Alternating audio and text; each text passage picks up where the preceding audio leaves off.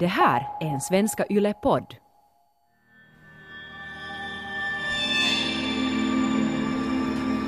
I något skede alltid så kom det över en att shit, det här kommer att vara jättesvårt. Jag ringer till Greenpeace och frågar vad de tror att läget är. Så var de väldigt optimistiska, för de trodde ju att det här är EU. De vet hur det funkar. Och så var det ju inte alls så. Det är så konstigt att vara där, för det är så mycket bara att man väntar. Man vet inte ens vad klockan är. Tillsammans med aktivister från Finland, Belgien, Tjeckien och Slovakien har finländska Ina Kauranen tagit sig in på området i en kolgruva, klättrat upp i ett 70 meter högt gruvtorn och vecklat ut en banderoll som kräver ett slut på användningen av kol. Nu har polisen tagit dem till fånga och fört dem till polisstationen där aktivisterna räknar med att tvingas stanna i högst 48 timmar. Det här är andra delen av poddserien Fängslad i Slovakien av Thomas Jansson.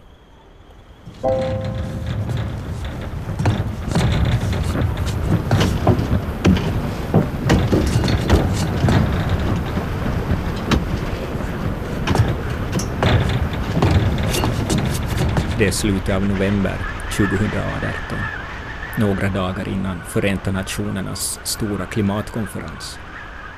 Bakom kulisserna arbetar FNs expertpanel för biologisk mångfald på en rapport som våren 2019 kommer till slutsatsen att en miljon växt och djurarter hotas av utrotning under de kommande decennierna, den värsta massutrotningen på 66 miljoner år. Och experterna är eniga om att det här har ett samband med klimatförändringarna på jorden. Samtidigt arrangerar aktivister runt om i världen enskilda aktioner mot förorenande industrier och miljöförstörelse. En av dem genomförs i den lilla slovakiska orten Novaki, där tolv klimataktivister nu har förts till det lokala polishäktet. Ina Kauranen berättar. Jag hade varit sådär förberedd på att kanske måste spendera en natt på polisstationen. Det var liksom ännu sådär... Det kunde man tänka sig. Och vi visste att de får hålla oss i 48 timmar. Och vi blev anhållna 10.50 på onsdag, så då var det sådär att okej, okay, fredag 10.50. Det är liksom nästa etapp. Så ännu på torsdag morgon tror jag att det ännu kändes ganska okej. Okay. Vi träffade juristen helt kort då, första, då på onsdag eftermiddag och då fick man lite sådär en hunch av att okej, okay, de vill försöka få fast oss för någonting hårdare. Men då kändes det inte ännu som att det kommer att lyckas, för det kändes så absurt. Så det var nog först sen, liksom, mycket senare på torsdag, som man började liksom inse att det här började vara allvarligt, när vi skulle det ha varit natten mellan torsdag och fredag som vi utlänningar fick liksom översatt våra rättigheter och så fick vi höra vad vi blir anklagade för. Och då blev det sådär att okej, okay, shit. För de, de ville alltså ursprungligen anklaga oss för att ha skapat och fara för hela Slovakien och slovakiska folket. Vilket liksom bara, det kändes som det galnaste någonsin. Så jag tror att det var då var liksom första gången då man började fatta att... För då var det redan liksom torsdag kväll, vi hade varit där i ett och ett halvt dygn ungefär. Att då började, det började liksom sådär sakta komma mer och mer en så här känsla av att det här är seriöst. Men det var ju liksom hela den där situationen var ju på något sätt... Det är så konstigt att vara där, för det är så mycket bara att man väntar. Och man har ingen aning om vad som pågår. Man får ingen information, man vet inte ens vad klockan är. Man bara väntar på att någon kommer och berättar någonting. Och så vet man bara det där klockslaget då man, får kom, då man borde få komma ut. Och så börjar det klarna i något skede att okej, okay, det kanske inte är helt så det kommer att gå till.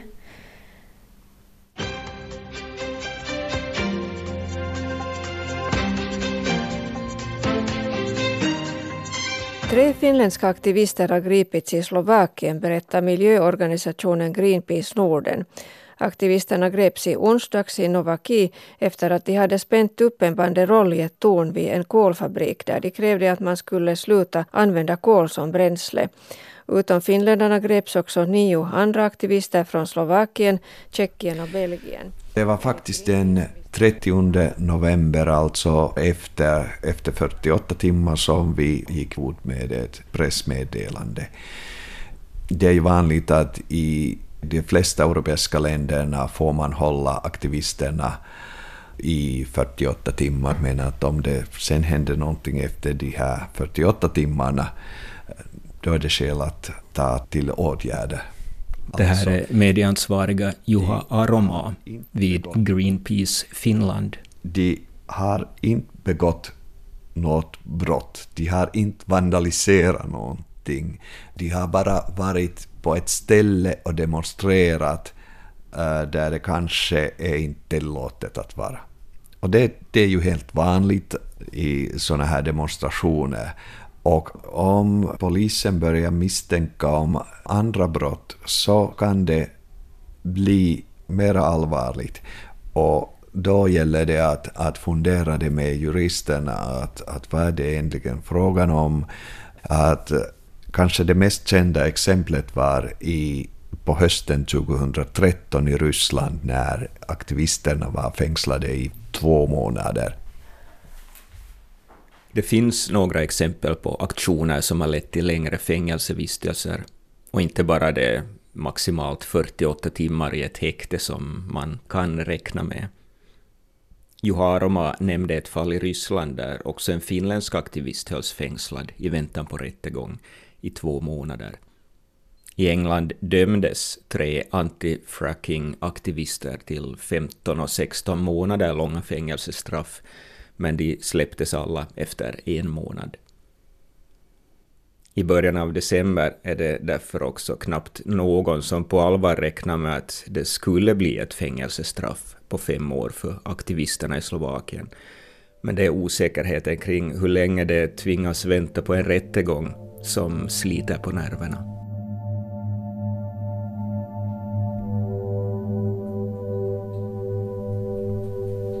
Ja, vi var liksom på polisstationen från onsdag till söndag. Och liksom...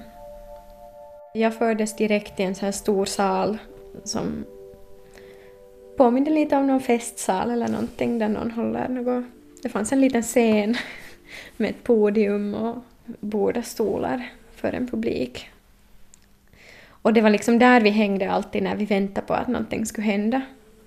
Och sen emellanåt så fördes vi till celler Mm, jag tror längsta tiden jag var helt ensam var efter mitt första förhör som hände natten mellan onsdag och torsdag, liksom kring ett på natten, så blev jag förhörd första gången.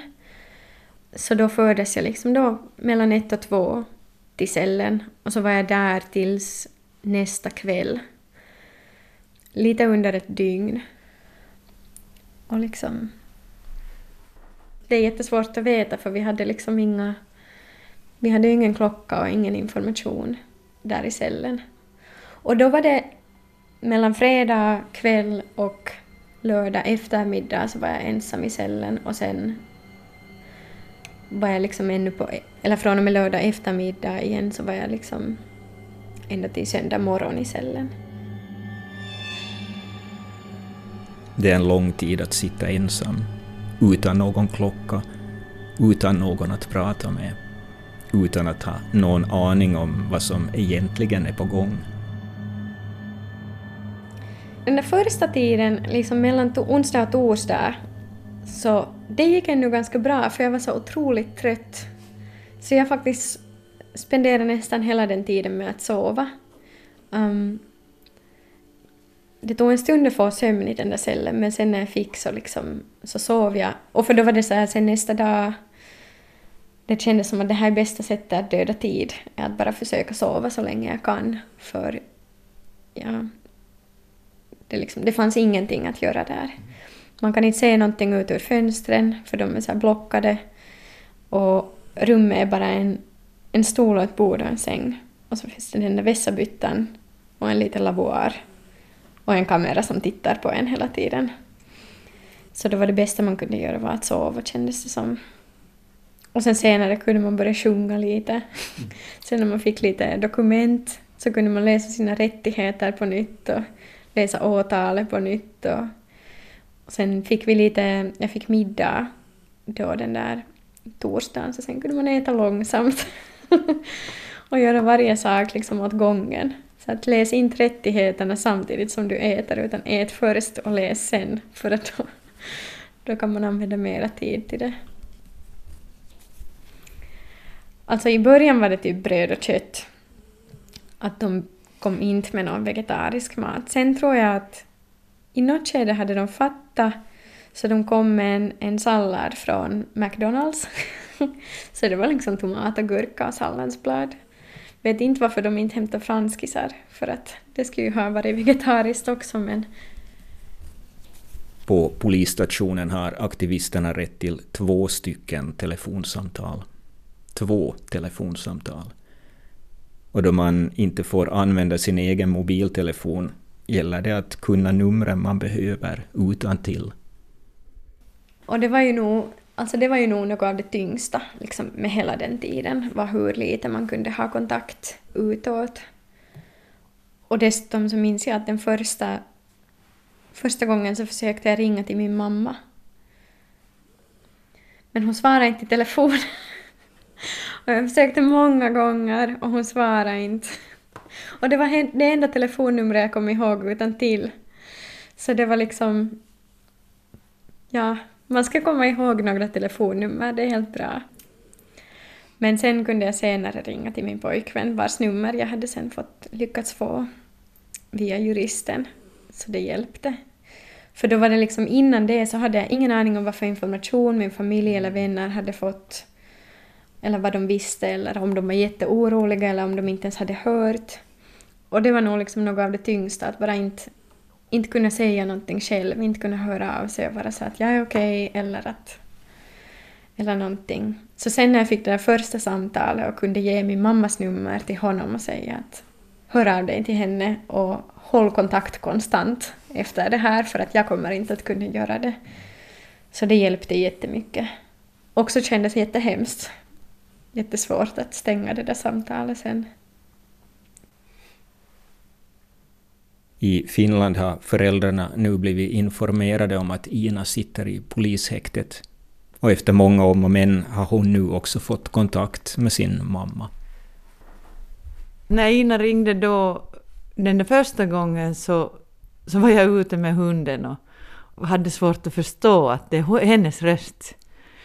Och, och det där... Det var hemskt konkreta saker, att få de god mat, få de mat överhuvudtaget och hur, hur mår de och får de vara tillsammans? Hurdana omständigheter är det och vad vet de?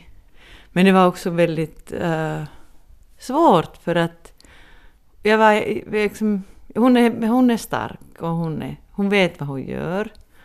Och ändå så lät hon så liten och skrämd. Så det var, det var ganska skrämmande.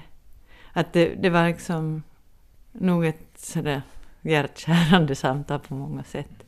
Men, men sen blir man ju rädd för sådana saker som att hon, hon nämnde då att, att nu är det okej när vi får vara tillsammans, men de där första tolv timmarna när man skulle sitta ensam i en finka utan någon människokontakt så, så det är ju sådana liksom typiska psykisk tortyrsystem, att, att man bryts ju ner av isolering. Att det är ju inte jag, jag, jag kan ju inte veta hur hon reagerar på sånt.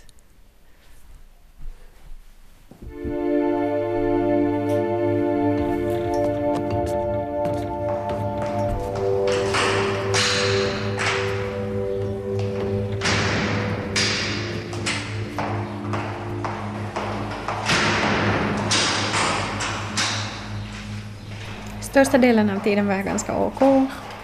Och sen i något skede alltid så kom det en liten... Liksom kom det över en att shit, det här, kan, det här kommer att vara jättesvårt. Och jag fick tala med mamma sen senare. Mm. Jag fick tag på henne senare och det blev jättemycket bättre sen. Eller så att det hjälpte otroligt mycket. För det var också liksom... Jag tror att det också som gjorde att det kändes så svårt, inte bara det att man inte får se och tala med dem, men det att när man märkte hurdan betydelse det hade för ens eget orkande att få prata ens en liten stund. Att hur mycket sådär styrka och hopp det gav, liksom varje liten kontakt man hade utåt. Det kunde också bara vara det att juristerna kom och berättade att så här många människor stöder er eller en sån här stöddemonstration har ordnats nu i Bratislava och liksom all den vetskapen om vad som hände utanför var liksom, hade otroligt stor betydelse. Eller att vi fick meddelande på våra matpaket sådär, där de skrev sådär att kämpa på och allt sånt där. Det kändes jätte, jätteviktigt. Mm. Alltid när vi väntade det var en liksom process av att ta DNA-test eller att mm. vara på förhör eller liksom alla de delarna så var vi alltid tillsammans där i den stora ja. salen. Allt möjligt pratar vi om. Alltså vi delvis så där väldigt mycket att diskutera den där själva situationen, vad vi tror att kommer att hända och vad som är liksom bästa strategin för att liksom försöka komma ur den här situationen så snabbt som möjligt. Och liksom väldigt mycket så här hoppfull diskussion om, om att hoppas det har någon betydelse. Och, och sen väldigt mycket, alltså vi kände ju inte varandra hemskt bra de flesta av oss. Eller många av oss hade aldrig träffats förr. Så det var jättemycket också bara att lära känna varandra. Skoja jättemycket, liksom försöka hålla varandras humör uppe. Och sen också att så här, stödja varandra när alla hade sina individuella kriser olika stunder. Att som tur så hade vi så här våra breakdowns lite i tur och ordning, så det fanns alltid någon annan som sen orkade liksom stödja när man själv hade det svårt. Att liksom, jag har aldrig sett folk så snabbt liksom bli så nära och på något sätt känna varandra på ett sånt sätt att man verkligen vet vad den andra behöver och sen lyckas ge det. Jag tror inte jag hade någon jätte liksom Alltså jag hade nog så några gånger som jag började gråta just för att då när jag började tänka på liksom att om jag inte får se mina liksom vänner och min familj och att det var de stunderna när det liksom slog mig som det kändes riktigt svårt. Och när man liksom förstod att det här kan vara en, en långvarig grej.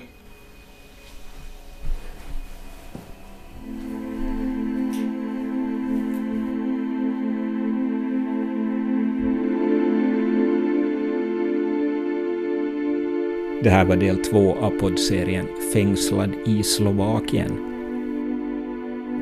i nästa avsnitt får Ina veta att aktivistgruppen flyttas från polishäktet till ett fängelse och att det kommer att hållas där ända fram till rättegången, som det kanske kommer att få vänta en hel månad på. Det var liksom då som det visade sig att det är riktigt allvarligt. Det hotades med fem år fängelse. Och det här händer liksom tre på natten, när man är helt trött om man liksom läser de där papperna där det finns saker som inte stämmer.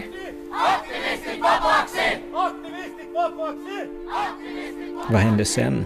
Och vad händer samtidigt i Finland och Slovakien? Det och mycket mer i nästa avsnitt.